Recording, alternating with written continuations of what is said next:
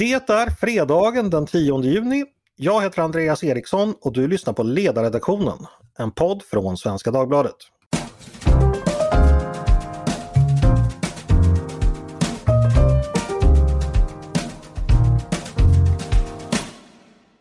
Varmt välkomna till oss i denna blomstertid, fredagen före trefaldighet. Den utspillda boxstrassen slår ut sina mörkröda rosor på altanbordens vaxdukar. Landet luktar av tändvätska och vissnande syrener och befolkningen går omkring i ett ständigt studentmottagningsrus.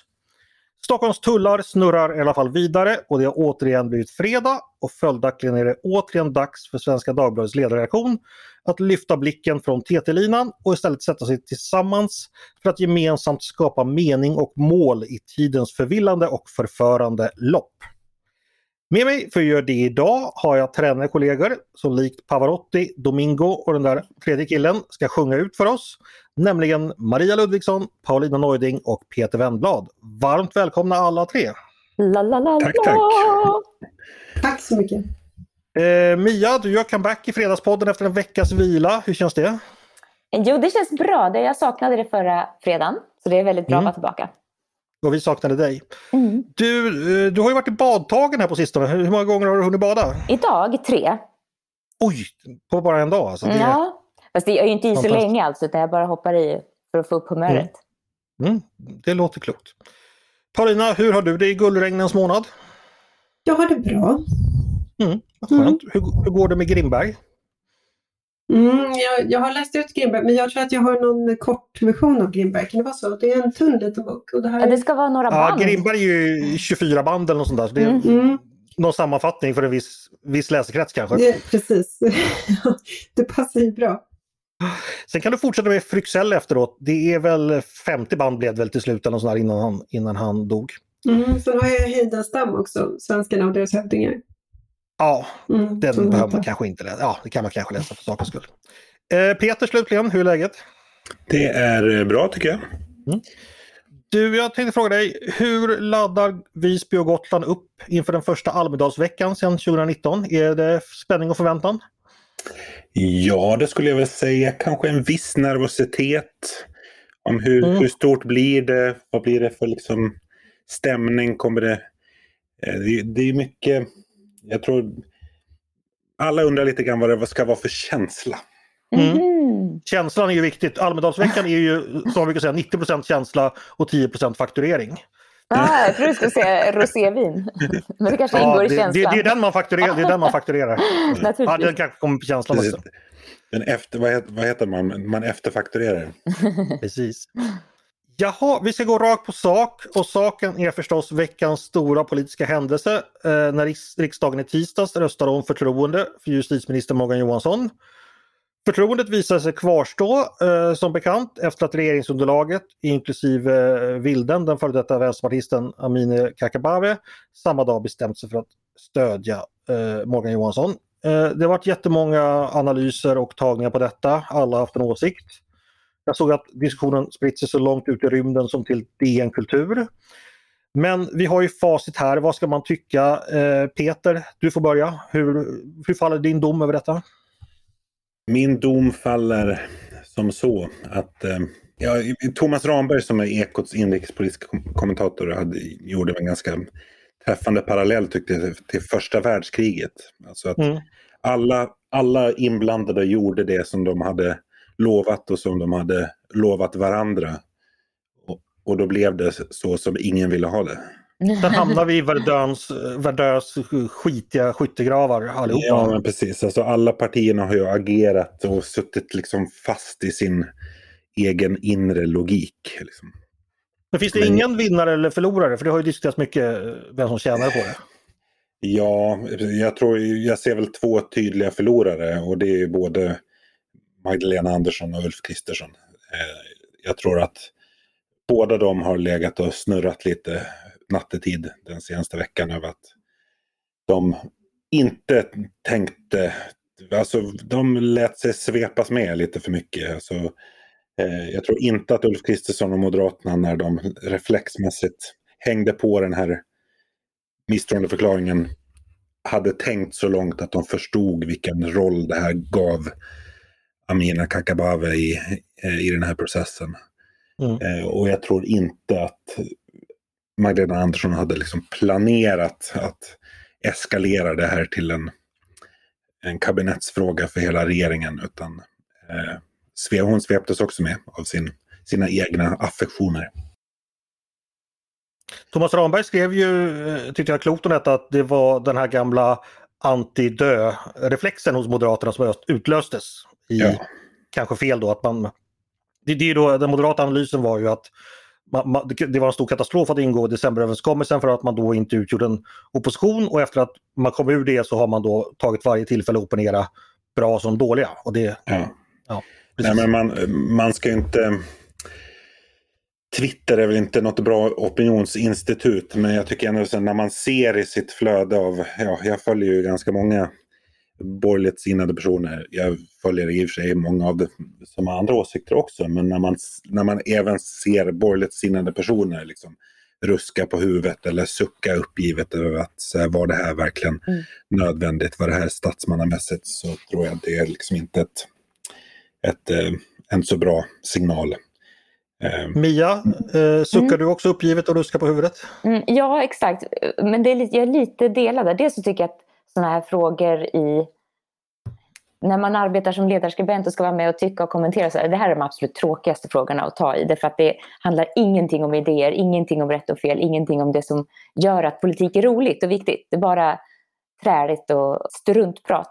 Men det, mm. det, jag hade, det har jag svårast för är eh, själva formen, alltså det som hände. Jag tycker också det var eh, träligt och eh, dumt.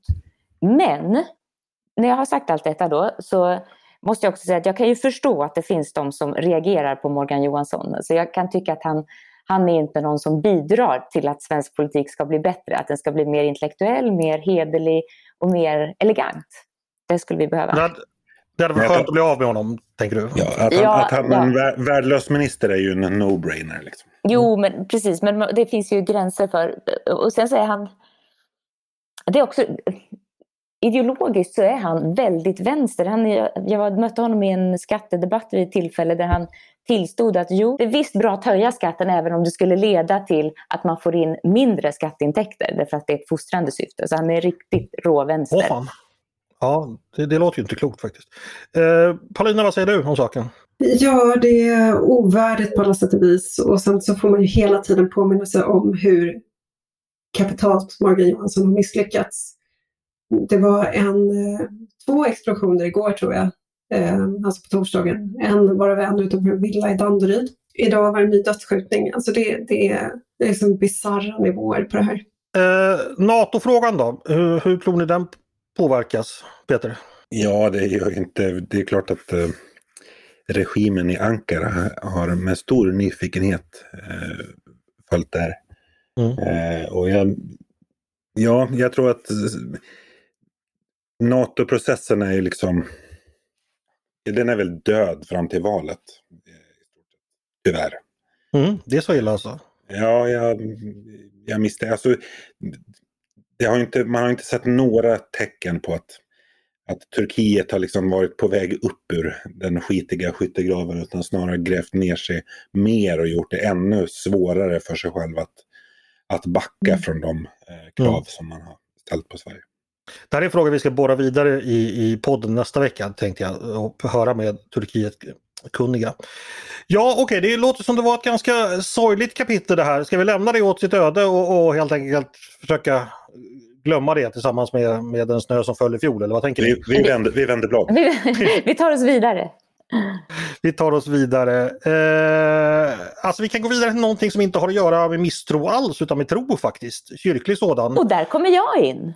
Exakt, för Svenska kyrkan har ju då förrättat biskop, ärkebiskopsval i veckan och det blev biskopen i Linköping som heter Martin Modéus som kommer tillträda i december. Om honom vet jag att han är 60 år gammal, att han har varit präst sedan 1986 och att han har skrivit en avhandling som handlar om ritualforskning. Där han närmare bestämt eh, diskuterar en gammal israelitisk offertradition som heter Shelamin eh, om jag uppfattar saken rätt. Eh, som har att göra med att man skulle donera lite pengar till, till templet då och då. Men det är inte jag som ska sitta och berätta om kyrkans nya ärkebiskop utan det ska en expert göra, nämligen Mia som till och med har träffat honom. Vad, vad är det för karl vi har att göra med? Ja, men det är inte så illa. Jag brukar ju vara, i grunden vara eh, negativt inställd till kyrkans ledning, men det här blir nog bra tror jag. Jag, Mhm. jag tog mig friheten att intervjua både, de båda sista kandidaterna som var kvar. Johan Dahlman i Strängnäs eh, och Martin Modéus i Linköping, han som vann då. Just Eh, jag ska bara säga, kyrkan körde ju franskt här med Ja. först ett val och så fick ingen majoritet så var det de två bästa fick helt enkelt mötas. en mot omgång till. Ja. De vill dra ut på det Mm. lite grann. Eh, Ja. och, och, eh, min första fråga till dem båda var, häpnade de båda, men de fick samma fråga för det måste vara rättvist. Och min första fråga var, tror du på Gud? Och det kan man tycka är dumt att ställa en sån fråga till en präst. Men Mm. i Svenska kyrkan så behöver man göra det. Det skulle kunna finnas kandidater som hade svarat så här. Det beror på vad du menar med Gud. Alltså det finns en, ett starkt inflöde av relativism även i, i kyrkan eh, som finns i alla, alla andra delar av samhället, men det finns där också. Det hör inte riktigt ihop. Men Mm. till min förvåning och min förtjusning så visar det sig att båda tror på Gud. Och inte bara det, de svarade på nästa fråga som då eh, handlade om huruvida de är kristna eller inte egentligen. Man ställer frågan, är Jesus enda vägen till Gud? Så svarade Mm. båda ja. Och det, Alltid något. Ja, det är alltid något. Men det, är också, det var roligt att få ställa de frågorna för att båda kandidaterna blev lite upplivade av att det var frågor som handlade om det som är deras uppgift, det som är deras eh, område och inte så mycket. Och, det är, jag har fått en hel del mejl efter det här och folk som undrar varför frågar du inte vad de tycker om islam? Alltså det är det som, som kvällstidningarna gärna vill ha från. Men det här, är- det här är bra personer. Eh, de är ganska lika varandra men båda skulle jag säga påmin, eller är, är en annan sorts ärkebiskop än vad Antje Jackelén har varit. Jag tycker det, Just det, det var min nästa fråga. Kan Mm. vi förvänta oss en annan eh, Svenska kyrkan nu i framtiden med, med den nya ledningen och i så fall hur? Mm, ja, jag hoppas det. En annan ledning blir det i alla fall. Dels för att de här är, eh, båda har disputerat, men de, de är mer av traditionella präster, alltså som lever av sin övertygelse än akademiker. Och det Mm. märktes också på deras olika svar att de är väldigt upptagna av att om de nu skulle, den som skulle vinna skulle få förändra kyrkan så att de som arbetar i kyrkan, präster och personal längst ut, så att säga, närmast folket, att de ska få syssla med det de ska. Att det ska vara mindre av eh, organisatoriskt arbete, mindre av eh, kommunikationsuppdrag och sånt där som vi kanske alla känner igen oss i, att det blir mer och mer det som, som efterfrågas i samhället. Mhm. Eh, så, så jag tycker de verkar, det var rätt bra, jag blev rätt glad faktiskt. Du, eh, vilken roll skulle du säga att det spelar för eh, offentligheten i stort? Vem det är som är ärkebiskop i kyrkan? Är det en, eh, hur viktig roll är det så att säga?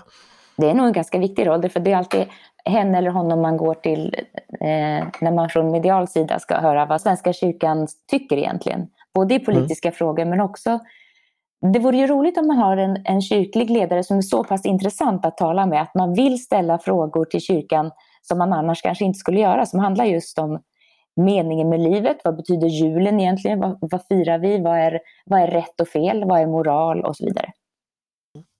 Du som känner till de, de inre spelet i Svenska kyrkan, hur mycket känner de till att vi är ganska många utomstående som tycker att eller hur mycket känner de till hur mycket diskuterar de eller tycker det är ett problem att vi är ganska många utomstående som tycker att kyrkan har politiserats och då huvudsakligen åt ett håll, nämligen åt vänster. Hur stor grej är det för dem? Det är nog lite olika. Det, det finns ju en stor del av de som är verksamma i kyrkan tycker att den ska vara politisk den, så som den är idag. Den ska reagera på det de kallar för orättvisor. Men det tror jag också är en, en oförmåga att tänka på samhället som något annat än en politisk instans. Om man Mm. säger att det är ett samhällsproblem att det finns fattigdom, ja det är det. Men svaret är inte då per definition eh, kommunala bidrag, utan det är vad gör vi för att hjälpa de här människorna? Där finns det, om man jämför med frikyrkan så är den eh, mycket mer eh, van vid att arbeta eh, människor emellan. Alltså de, ser de människor som far illa så går de ut och hjälper dem. Eh, En statskyrka som gör det säger, "Var- varför tar inte kommunen hand om det här? Det blev uppenbart också när vi i, på ledarsidan skrev om Klara kyrka i Stockholm, där man har haft natthärbärge för uteliggare. Mm. Eh, någonting som då Markovic som är, som är chef för Stockholms stift, nej det är hon inte heller. Ja, när man Domprost. Domprost, exakt, tack du som vet. Mm. När hon kritiserade vad man gör i Klara kyrka och sa att det här är egentligen ett kommunalt ärende, det ska inte kyrkan behöva göra. Och där finns Mm. det också, den synen skiljer sig lite grann. Det finns båda de skolorna inom Svenska kyrkan och jag tror det är bra att det går mot eh, att man har en kyrklig företrädare som kan förklara vad just ett trossamfund kan göra som inte är en politisk uppgift. Och det är ganska mycket. Mm. Och det förutsätter att den personen själv är starkt troende och verkligen är övertygad och, och trivs i sin roll. Inte problematiserar den och inte går och som tycker att man alltid har ett, en skuld utan snarare den som vill berätta om någonting som är av godo. Mm. Gå omkring och ständigt ha en skuld, då är man ju folkpartist. Ja, men exakt, du vet ju. Eh, Men du frågar ju eh, den nya bispen om, om kyrkan och politiken. Hans svar då, nu citerar jag honom. Mm. Kyrkan ska tala om när människan och skapelsens värde och värdighet är hotad. Där är kompassen.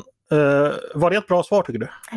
Ja, återigen, relativt bra. Alltså, om man jämför med vad, man, vad, vad kyrkan kan vara, ganska uttalade politiska frågor, eh, så är det ett bra tal. Därför att det är ett bra svar. För att det kan också tolkas som att det är i samma stund när jag som medmänniska är skyldig eller har ansvar för att någon annan far illa.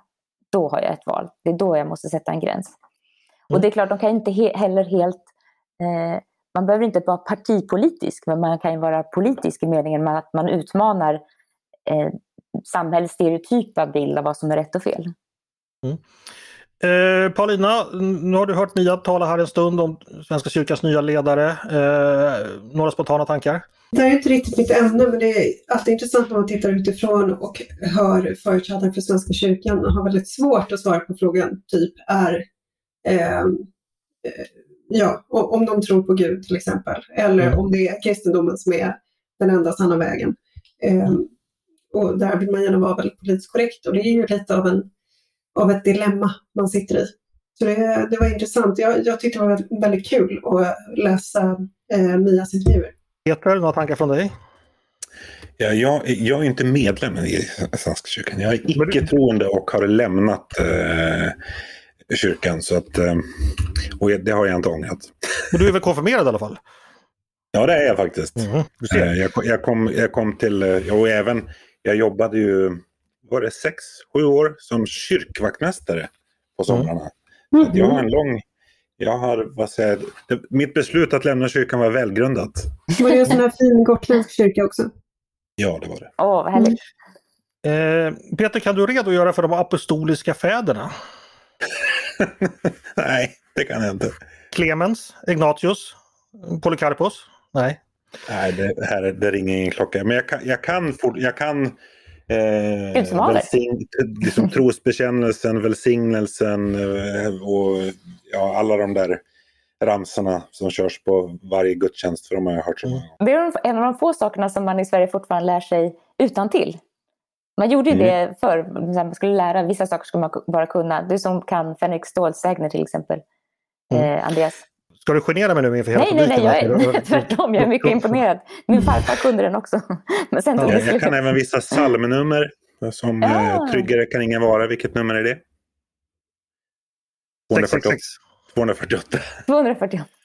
Hörni, där med apostoliska fäder, det var ju då ett skämt som var referens till den gamla fina filmen Den goda viljan från 1991 då uh, Hjalmar Bergmans, nej inte Hjalmar Bergman, Ingmar Bergmans far, eh, Hen- Henrik Bergman då, eh, blir förhörd i kyrkohistoria av då en professor som spelas av Ernst-Hugo Järegård på ett fantastiskt sätt. Och det, den kan man söka upp på Youtube och eh, titta på ifall man vill och få lära sig mer. Och dels om Ernst-Hugos fantastiska skådespeleri men också en del om den tidiga kyrkohistorien. Så vi kunde, både vi- inte, vi kunde varken svaret på frågan eller förstod referensen. Dubbel Men, okunskap. vi, tack så mycket. Och ingen av oss kan recitera Fänrik Stålsägner heller. Nej, det, det är ett mörker, det är en kulturskymning. Där. Mm. Hörrni, vi går snabbt vidare. Eh, vi lämnar för tillfället de högre domänerna och blir mer prosaiska, eh, tänkte jag. Och då tänkte jag att det är Peters tur att hålla låda lite. Eh, för att, nu pratar jag väldigt långsamt för jag ska hinna ikapp med mina anteckningar här. Jo, så här är det då att eh, det ska handla om ett förslag i riksdagens miljö och jordbruksutskott där då eh, Centern, eh, Moderaterna, Kristdemokraterna och SD eh, vill minska miljöorganisationernas rätt att föra talan i domstol och ändra så att de ändå ska få göra det. Det är man är direkt berörd av ärendet och det handlar om miljöärenden. Det är bara de som ska kunna överklaga. Eh, Peter, vad, vad handlar det här om? Ja, det är som så att i svensk miljölagstiftning eh, så är det så att miljöorganisationer har rätt att engagera sig i tillståndsprocesser och, liksom, och att överklaga alla miljötillståndsbeslut. Eh, mm. eh, och det här är som en följd av en FN-konvention som vi har eh, skrivit under. Eh, som egentligen handlar om att ge allmänheten inflytande i sådana här processer. Men där man då har gjort miljöorganisationer till någon slags företrädare för det allmänna intresset, vilket är ju väldigt långt från sanningen. Vi kan ta ett exempel på vad det här kan få för eh, konsekvenser. Jag vet till exempel att det var en bostadsrättsförening i Stockholm som ville byta ut sina fönster. Mm -hmm. Vilket slutade med att eh, en, byggnadsvårds, en liten byggnadsvårdsförening med stöd av den här Århuskonventionen som det då heter, eh, drog det här till domstolen. Eh, och jag vet faktiskt inte riktigt hur det där slutade, men det var ju ett ganska bagatellartat eh, ärende som slutade med en lång och kostsam domstolsprocess för den här något överrumplade bostadsrättsföreningen. Mm -hmm. Så du är alltså helt med på att det här bör ändras? Ja, det här, eh, det här är miljöorganisationens talerätt är för att tala raksvenska ett jävla otyg. Eh, det här, det här har ju blivit alltså den här... Alltså det enda krav som ställs för att du ska kunna engagera dig i vilken tillståndsprocess som helst, var som helst i Sverige, det är att din organisation inte är vinstdrivande, eh, att, den, att du då kan göra, föra i bevis att den, att den eh, vad säger, vär, arbetar för att värna eh, miljöintressen. Mm. Att den ska ha funnits i mer än tre år och ha mer än hundra medlemmar. Så att, ja, det, här, det här har ju blivit en lekstuga för liksom miljöpartistiska syföreningar i, i stort sett. Som, som, ja, men det, jag skrev om ett exempel på sidan förra våren om en, ett strandcafé eh, på Gotland som fick strandskyddsdispens. Och där då föreningen Strandskyddarna som inte ens finns representerade på Gotland utan är någon liten frimärksklubb i Bohuslän eh, som då försökte stoppa det här. Mm. Eh, så det är skit. Så att det, det, är ett mycket, det är ett mycket bra initiativ av de här fyra partierna. Sen är det mycket långt kvar tills att det faktiskt kommer hända någonting. Men... Men du, jag upptäckte ju att L inte var på den goda sidan här. Vet du hur det kommer sig? Eh, nej, jag vet faktiskt inte.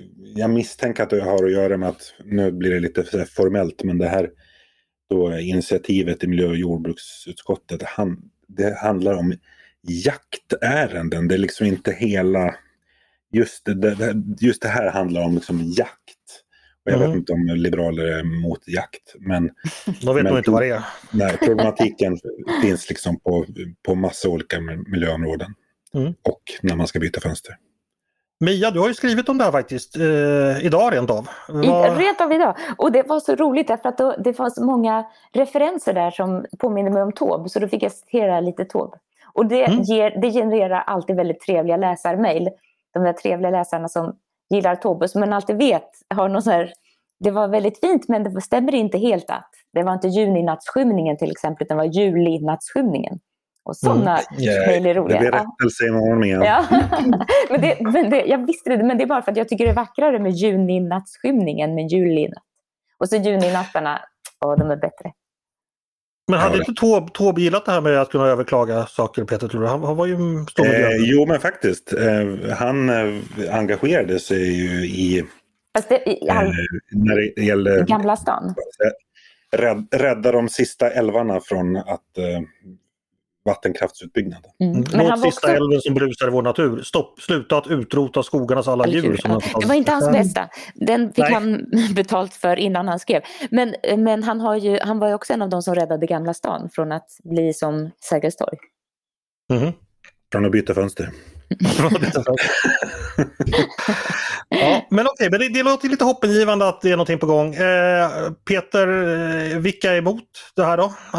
jag antar att Miljöpartiet är emot och även... Miljöpartiet är, Miljöpartiet är väldigt mycket emot.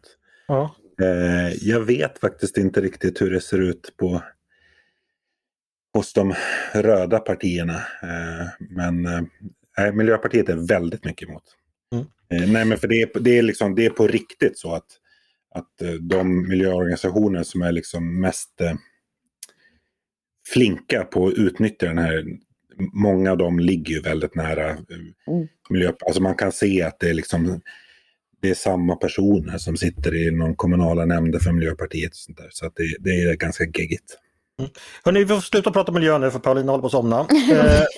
Eh, bara Jag kort med. angående Miljöpartiet kan, kan jag glädja dig Peter att vi hade ju en eh, liten panel i podden igår som handlar om opinionsläget. Mm. Och Per Rosenkrantz då, eh, väldigt kunnig opinionsstrateg eh, som har jobbat för Moderaterna tidigare.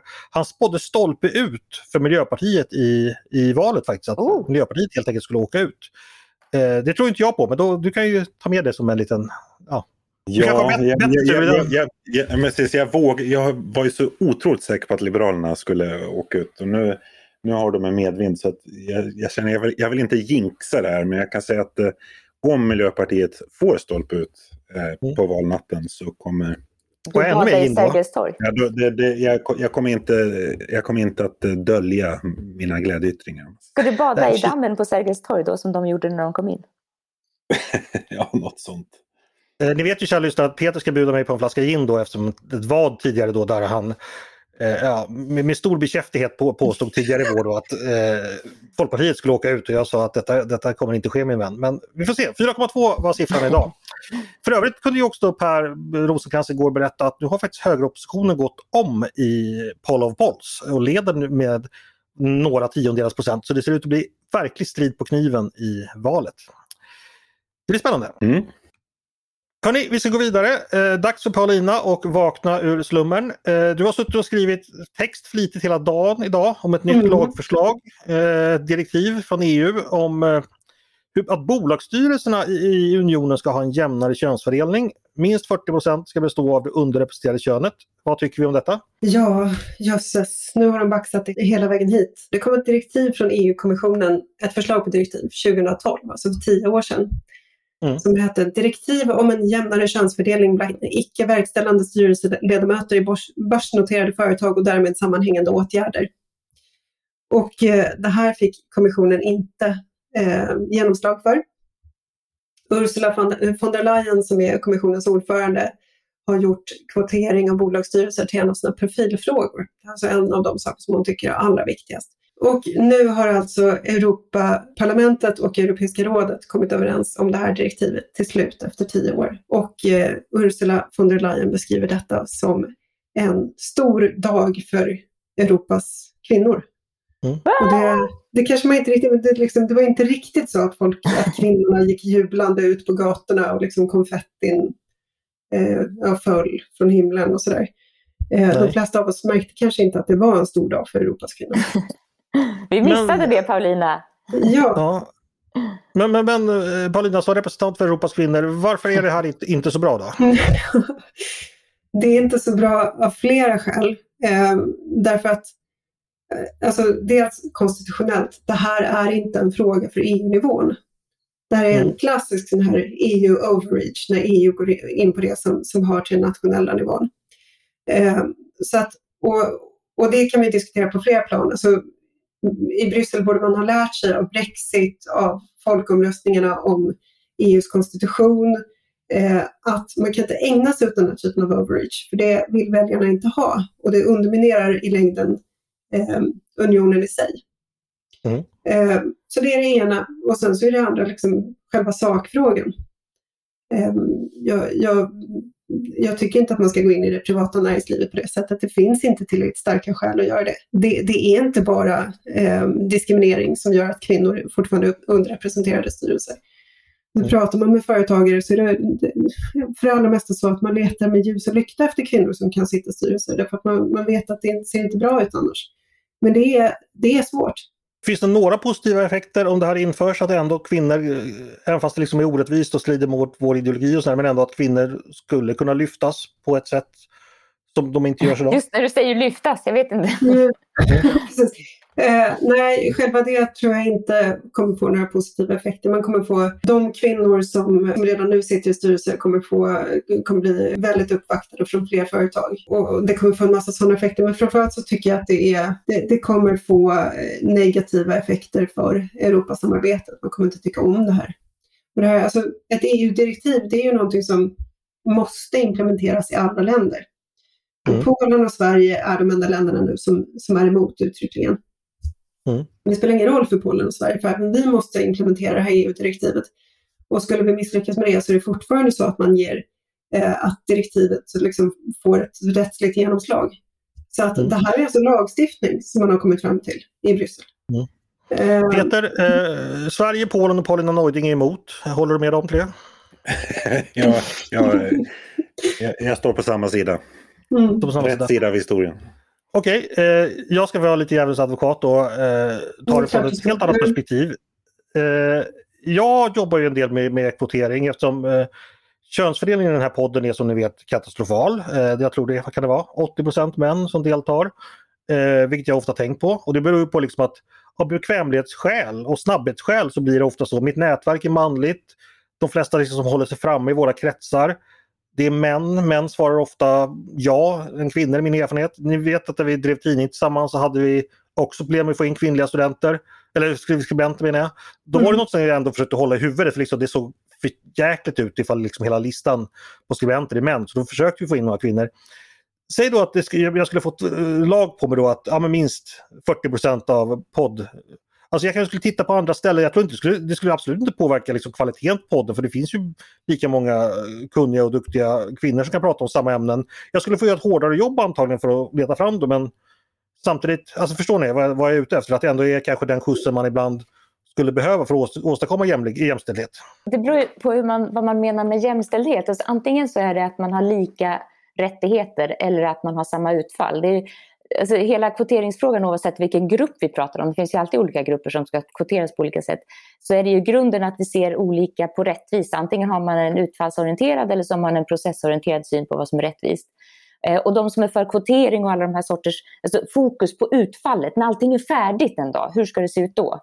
De mm. tänker ju just bara på vad ska vi göra för, för politik för att det ska vara så många kvinnor och inte hur ser vägen dit ut då? Om det är det som är ja, ett problem. Jag, jag, tänker ändå att det finns vissa orsaker som är antagligen strukturella eller processuella eller så till att det oftast blir män som är med i den här podden exempelvis då eller som som, som, skriver vissa spalter och sådär. Eh, och de orsakerna behöver man kanske inte gå in i grotta i men, men om man tycker att de orsakerna kanske inte är av naturen eller Gud givna utan på något sätt missgynnar kvinnor så skulle man ju kunna gå in och försöka fixa till det så att säga. Genom men, att, vissa saker är ju liksom över, över hela populationer, alltså män och kvinnor skiljer sig åt, men över hela populationer så finns det vissa mönster att kvinnor kanske inte har lust att gå på, eh, ja, eh, gå och vara med i vår podd efter, eh, utöver sitt eget arbete därför att man har saker att göra och så vidare.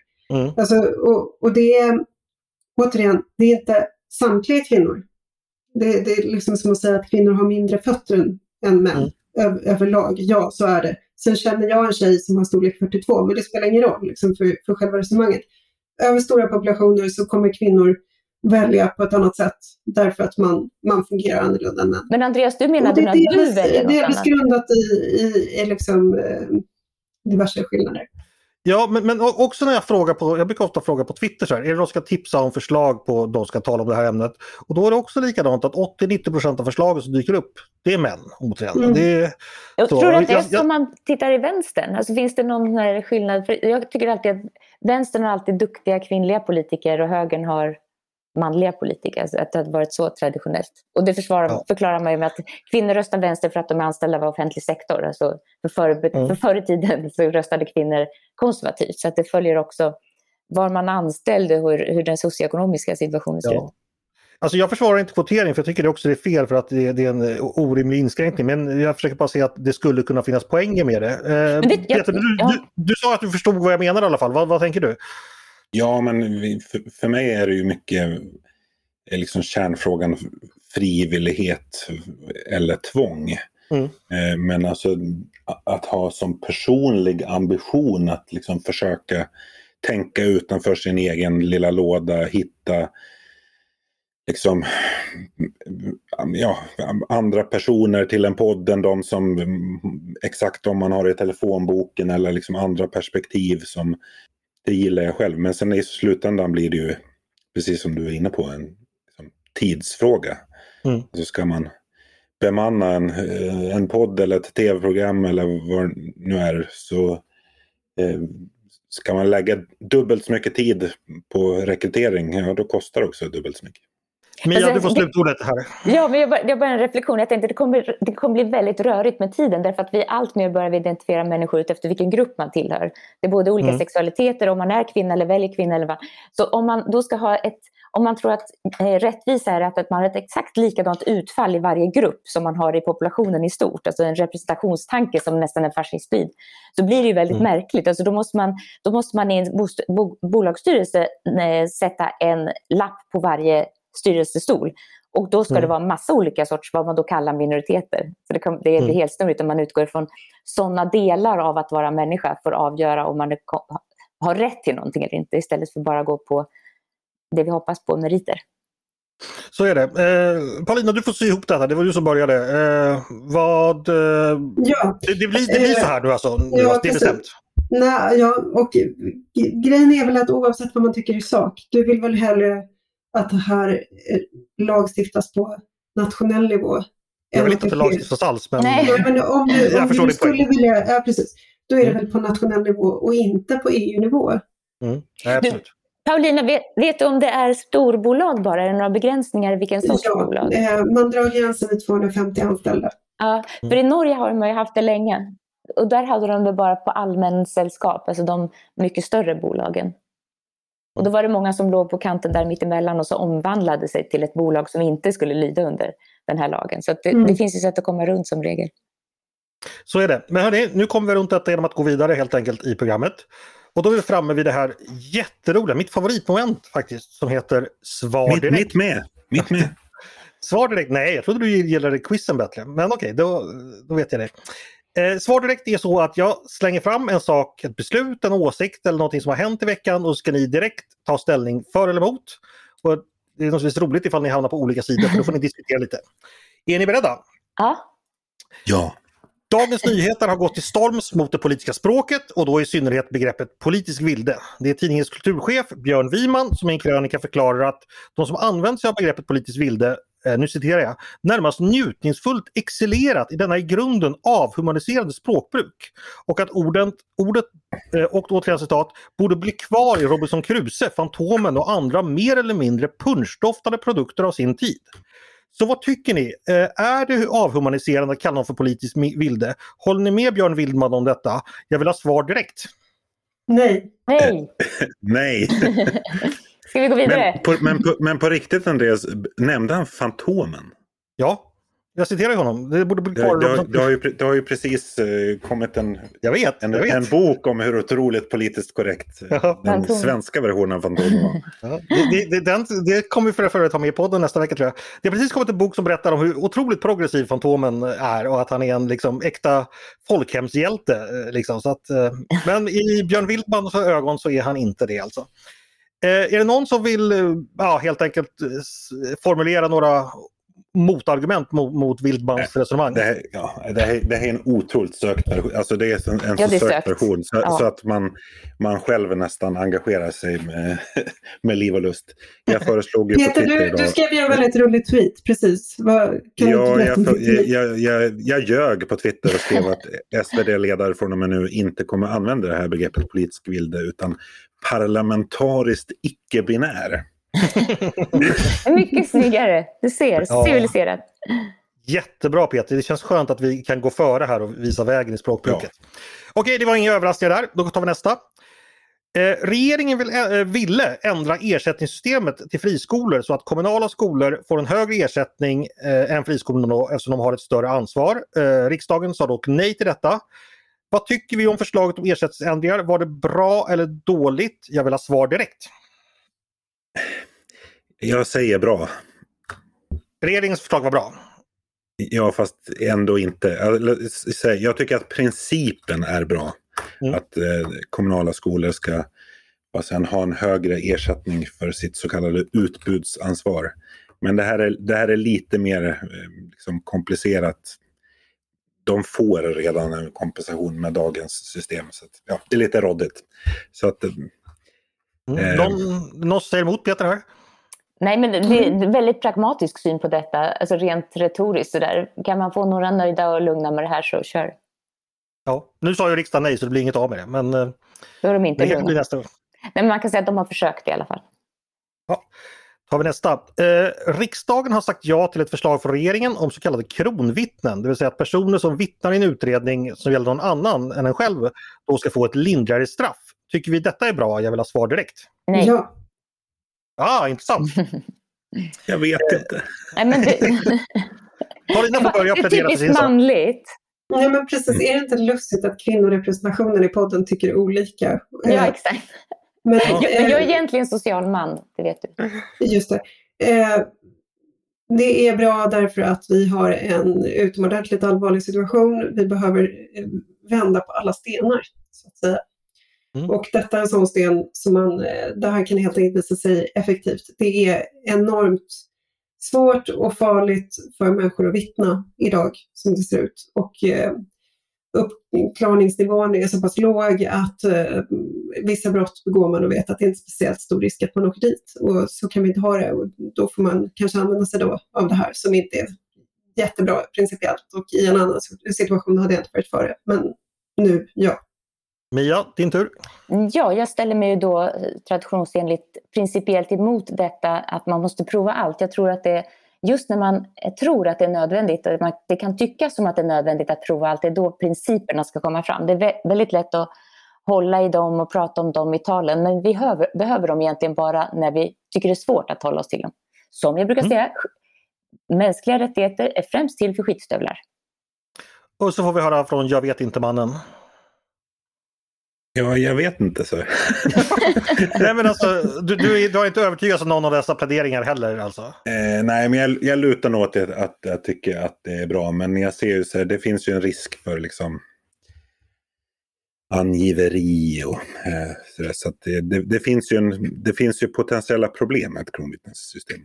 Det får vi ju se för nu, vad jag förstår så kommer det här nu, lagen träda i kraft redan 1 juli. Så det, det blir verklighet nu helt enkelt. Och sen har vi löst allt. Gud så bra. Den har vi löst detta. Eh, dags för nästa punkt då. Eh, årets sommarpratare har nu presenterats. 58 lyckliga personer har utsetts av public, public service för det hedrande uppdraget som sedan ord, ordensväsendets avskaffande 1975 är det finaste utmärkelse en svensk kan få. Kommer ni att lyssna på någon sommarpratare och i så fall vem? Jag vill ha svar direkt. Ja. Ja, Då kan ni väl säga Mia, är det någon speciell du har i tankarna eller kommer du bara lyssna allmänt? Nej, inte, absolut inte allmänt. Det skulle jag aldrig palla. Jag vill lyssna på Gudrun Persson. Mhm. Vad roligt. Varför det? Jag tycker hon är skärpt, balanserad och mycket kunnig i ett, i ett ämne som jag inte kunnig i och som jag tycker är högst vidkommande. Eh, Paulina, du då? Jag tänkte särskilt på Stefan Krakowski som har skrivit en bok om incelmän som jag blev Mm. väldigt nyfiken på att lyssna på. Ja, okej, spännande. Och Peter slutligen, har du någon särskild i tankarna eller allmänt? nej lite tvärtom. Jag tycker att en del av tjusningen med sommarpraten är att inte lyssna på dem som man tänker att man ska lyssna på utan bara låta sig fångas av vem som helst. Eh, Mhm. Av en stormvind. Ja. Men jag, jag, jag, jag vet väl kanske en jag inte kommer att lyssna på. Det, är är, och det är ju Charlotte Kalla. Så det finns ju, det finns ju Det inga som är så otroligt tråkiga sommarpratare som idrottspersoner. Alltså. Jag tänkte ja. samma. Eh, det- Sara Hector, den alpina skidåkaren, skulle vara med också. Så det kan du också hoppa över. Ja, över Och, och så är det mycket så här, artister och sånt där också tror jag. Men en ledarskribent, eller en före detta ledarskribent faktiskt. Noterar ni det? Nej? Katrin Eh, Marsall, Ja, Exakt. just det. för andra gången. Mm, Ja. Just det. Hörni, eh, vad bra, då fick vi svar direkt. Eh, men jag tänkte hålla mig kvar lite vid sommarpratare. Jag ska nämligen tänkte eh, i det här nästa då eh, lilla moment som vi kallar, eller hittills har det inte haft något namn, men jag vet inte det ska kallas, Är du smartare än en ledarskribent? Nu ska ni där hemma då eh, nämligen tävla med våra kloka ledarskribenter när det gäller kunskaper och det gäller kunskaper specifikt om tidigare sommarpratare. Och då kommer jag då, eh, ja det kommer bli ledtrådar helt enkelt. Det är en person vi söker, en tidigare sommarpratare i samtliga fall och eh, den som gissar skriker bara ut namnet. Är, Och- är de från vår levnadstid? Eh, nej, inte alltid. Inte alla. Nej. Eh, jag kommer nämna när de har sommarpratat också. Eh, och man får bara gissa en gång så att om gissar man fel så är man ute och, så, och får sitta tyst. Den sommarpratare jag nu är ute efter det är en väldigt flitig sån. Hela 42 sommarprogram gjorde hen. Eh, det sista den 9 Lars juli. Ulvenstam. Tyvärr Peter, det var fel. Då fick Är du, det sant? nollade du. Eh, den sista gjorde hen den 9 juli 1972. Andreas, du vet att det finns ett klassiskt svenskt ord som heter vederbörande? Jaha, det känner jag till. Var, var det fel att jag sa hen nu eller? Nej, men bara, man behöver inte politisera sina pronomen på det där sättet. Det är väl inte något politiserat. Herregud, du, du åker snart också ut också. För, för, eh, hörni, vi fortsätter. Vem var det? Hen, ja, men, det det kommer nästa ledtråd då. Ah, ja, Hen, tack, tack. hen skulle nog ha gillat den här frågan och hela den här leken. För det var något hen själv lanserade i Sverige. Nu tänker Peter, visst fan. Någon som lekledare på tv. Lennart Ja, just- Hyland. Nej, det var också fel. Hela den här leken som vi just leker nu då. Som Mm. hen lanserade i, i Sverige. Här Kid, det är bara Paulina kvar. Eh, då kan vi ta det. Eh, namn som Rickard och Laban kanske för er närmare namnet på vår okände sommarpratare från Fyris slätt. Iris. Laban var ju pappa till Rakel och Lea. Och, och Rickard var Rickard Lejonhjärta, eller? Ja, Precis. Rickards bok i Bibeln. Nej, vi fortsätter. Jag sa ju Fyrislätt tidigare. Eh, personen är född i Stockholm men det är Uppsala vi främst förknippar hen med. En person från Uppsala alltså, som lanserade frågesporten i Sverige som sommarpratade sista gången 1972. Upphovsman till böckerna... Jerring. Du du har jag gissat. Nej, upphovsman till böckerna om Måns, Bill och Bull och inte minst Pelle. Ah, Åh! eh, Gösta mm, Knutsson! Ja, bra! Gjorde Ja! han, gjorde han Var det på det? riktigt sommarpratarna 42 gånger? Ja, men alltså förr i tiden så var det ju, var inte, då var det liksom så här sommarvärdar. Typ, jag Ja. tror Gitz Olsen också var 40 gånger. Eller så här. Alltså man, de hade en vecka var typ. Eller sånt där, liksom. Ja, det var väl annat. radiofolk som hade det, eller Ja, radionära. Hörrni, nästa sommarpratare är hämtad från förra året, den 6 juli närmare bestämt. Eh, det är nog ingen som kan det. Eh, men det är alltså från förra året. Personens barndom gick först i rosa, senare i orange, men den blev blåare som vuxen. Det blev blåare som vuxen. Eh, Var det Anna Kinberg Batra? Ah, snyggt! Snyggt! Vad tog du det på? Eh, färgerna. Ja, först rosa, hon är ju född i Skärholmen. Eh, sen orange, bodde i Holland och lärde sig holländska. Och sen blev det blåare helt enkelt. Mm. Det var väl roligt. Mm. Plus att hon faktiskt var, hade ett väldigt, väldigt bra sommarprat. Eh, nästa eh, ledtråd var faktiskt att hon hade arbetat på SVDs ledarredaktion. Ett poäng till Paulina, ett poäng till Mia. Vi tar den tredje och sista. Slutligen hämtar vi vår sommarpratare från den 20 juni 2004. Personen har bland annat tidigare varit finansminister, men det är inte det hen är mest känd för idag. Är det Göran Persson? Nej, det var fel. Nu är du ute.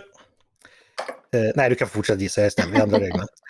Eh, personens dotter är medlem i elektroduon Schmerz baserad i Köpenhamn. Första plattan Believer släpptes 2021.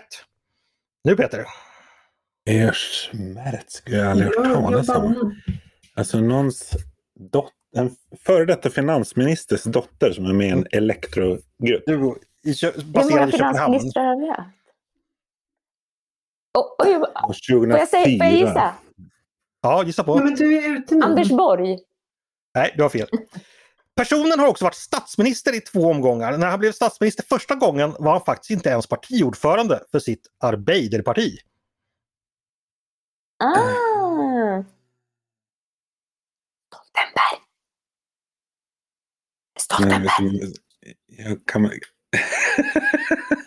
Vi är så dåliga på det här. Kan- Är det Norge eller är det Danmark? Idag Alltså, har det- personen ö- övergått i internationell tjänst. I sin nya befattning. Ja, Jens besöker han, Stoltenberg. besöker han på måndag Magdalena Andersson på Harpsund. Ja, det, Mia fick poäng där. Du, vad, då blev det Mia som blev eh, dagens vinnare. Grattis! Tack, tack. Vad får jag för det? Du får en ära ända till nästa vecka och vi noterar mm. då att eh, det var du som, när det var Paulina som vann förra veckan. Så Peter, den quizmästaren, har fortfarande inte liksom lyckats... Fast det var lite På spåret, då vann du. Ja, men jag tyckte det gick ganska bra förra veckan men det var, ja. jag var lite för ivrig. Jag fick ju en minuspoäng. Men det, det, var väl, det, var väl, det var väl en rolig frågelek? Det var jätteroligt. Ja, det är oerhört roligt. Jag tycker vi ska sluta med allt annat vi gör och bara ägna oss Bara quizza en timme. Vi får se vad lyssnarna tycker. Hörni, det är dags för att avrunda och då rundar vi av med det roliga momentet rundfrågan. Då jag ställer en helt spontan fråga till er och ni svarar lika spontant och spirituellt. Eh, bakgrunden till dagens rundfråga är att Judy Garland skulle faktiskt ha fyllt 100 år idag. Hon blev tyvärr inte alls så gammal, hon lämnade oss långt i förtid. När jag tänker på Judy Garland tänker jag förstås på The Wizard of Oz, en av historiens mest sedda och älskade filmer. Och då tänker jag också på ett hus som kan försvinna iväg och hamna på mycket märkliga ställen och på citatet Toto, I got the feeling we're not in Kansas anymore. Eh, som då Judy Garland, eller Dorothy som hon heter i filmen, säger när man precis anlänt till det här märkliga landet, oss. Nu undrar jag, har ni haft några sådana här oss moments i politiken där ni helt enkelt har upplevt att ni har flugit iväg over the rainbow och hamnat i en helt okänd värld? Och då tänker jag på om ni har kanske varit på något möte, träffat någon person, hamnat, sett någon debatt eller något förslag som helt enkelt är liksom You're not in Kansas anymore, ni är i en jättekonstig värld. Eh, finns det ett sådant minne? Peter, har du något förslag på något sådant? Ja, jag minns när jag ganska nyligen hade flyttat tillbaka till till eh, Gotland. Och när kommunfullmäktige på Gotland på fullt allvar diskuterade att förbjuda saften Fun Light i äldrevården. för, att det var, för att det var någon miljöpartist som hade fått för sig att, att det var giftigt. Och det, liksom, och det, var, inte, det var liksom ingen som gick upp och bara så här, men lägg av nu, vad, vad är det här för... Alltså, de, dels är det ju en... Det byggde, hela resonemanget byggde ju på den här helt falska föreställningen om att aspartam skulle vara giftigt. Ja. Det är typ världens mest testade livsmedelstillsats. Men det var liksom ingen som, som synade bluffen utan det var den ena efter den andra som var uppe och liksom ja, förde en liksom saklig och eh, eller saklig vet jag inte om det var, men, men en väldigt liksom Eh, i lugn ton resonerade kring det här och det bara kändes helt bisarrt. Vad är det? Är det så här politik fungerar? Sen blev jag ju kommunpolitiskt aktiv själv och eh, då hade man ju oss moments varje dag. Mm. Men, men du satt alltså Judy Garland med stora ögon liksom, och, som när hon träffar Fågelskrämman och Lejonet och, och plå, Plåtgubben. Liksom, att, vad är det här ja. för någonting? Liksom? Ja. Ja, herregud. Eh, Paulina, du då? Har du några awesome moments?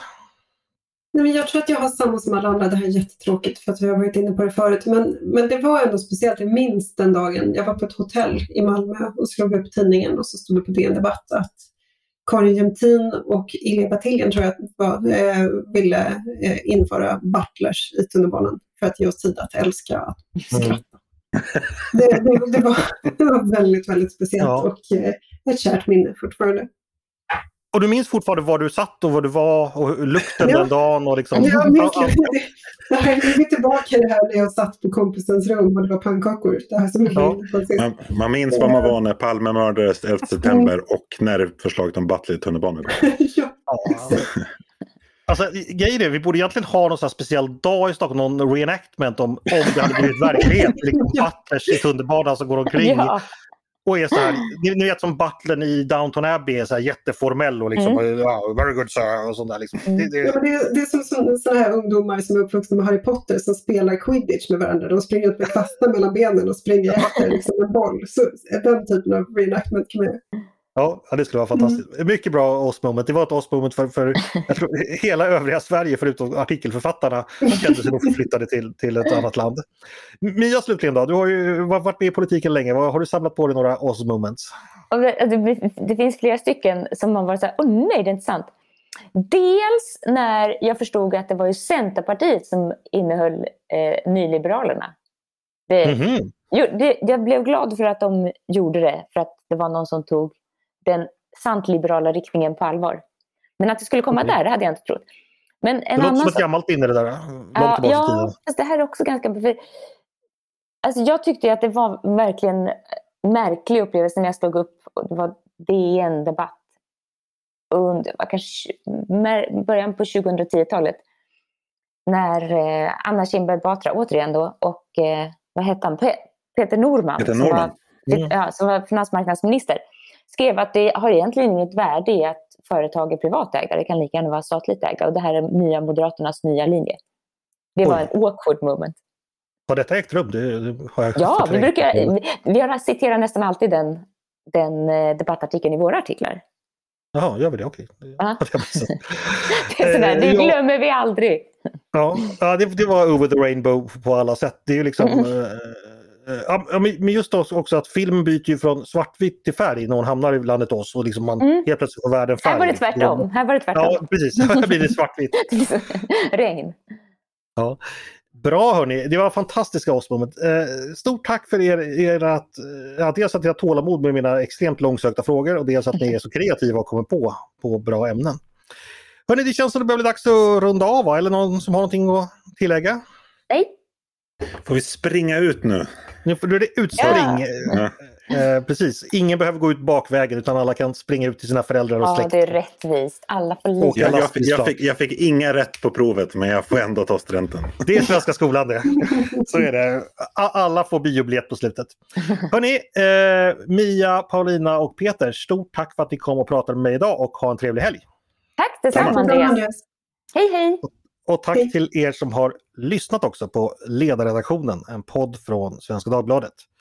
Varmt välkomna att höra av er till oss på redaktionen med tankar och synpunkter på det vi har diskuterat eller om ni har idéer och förslag på saker vi ska ta upp i framtiden.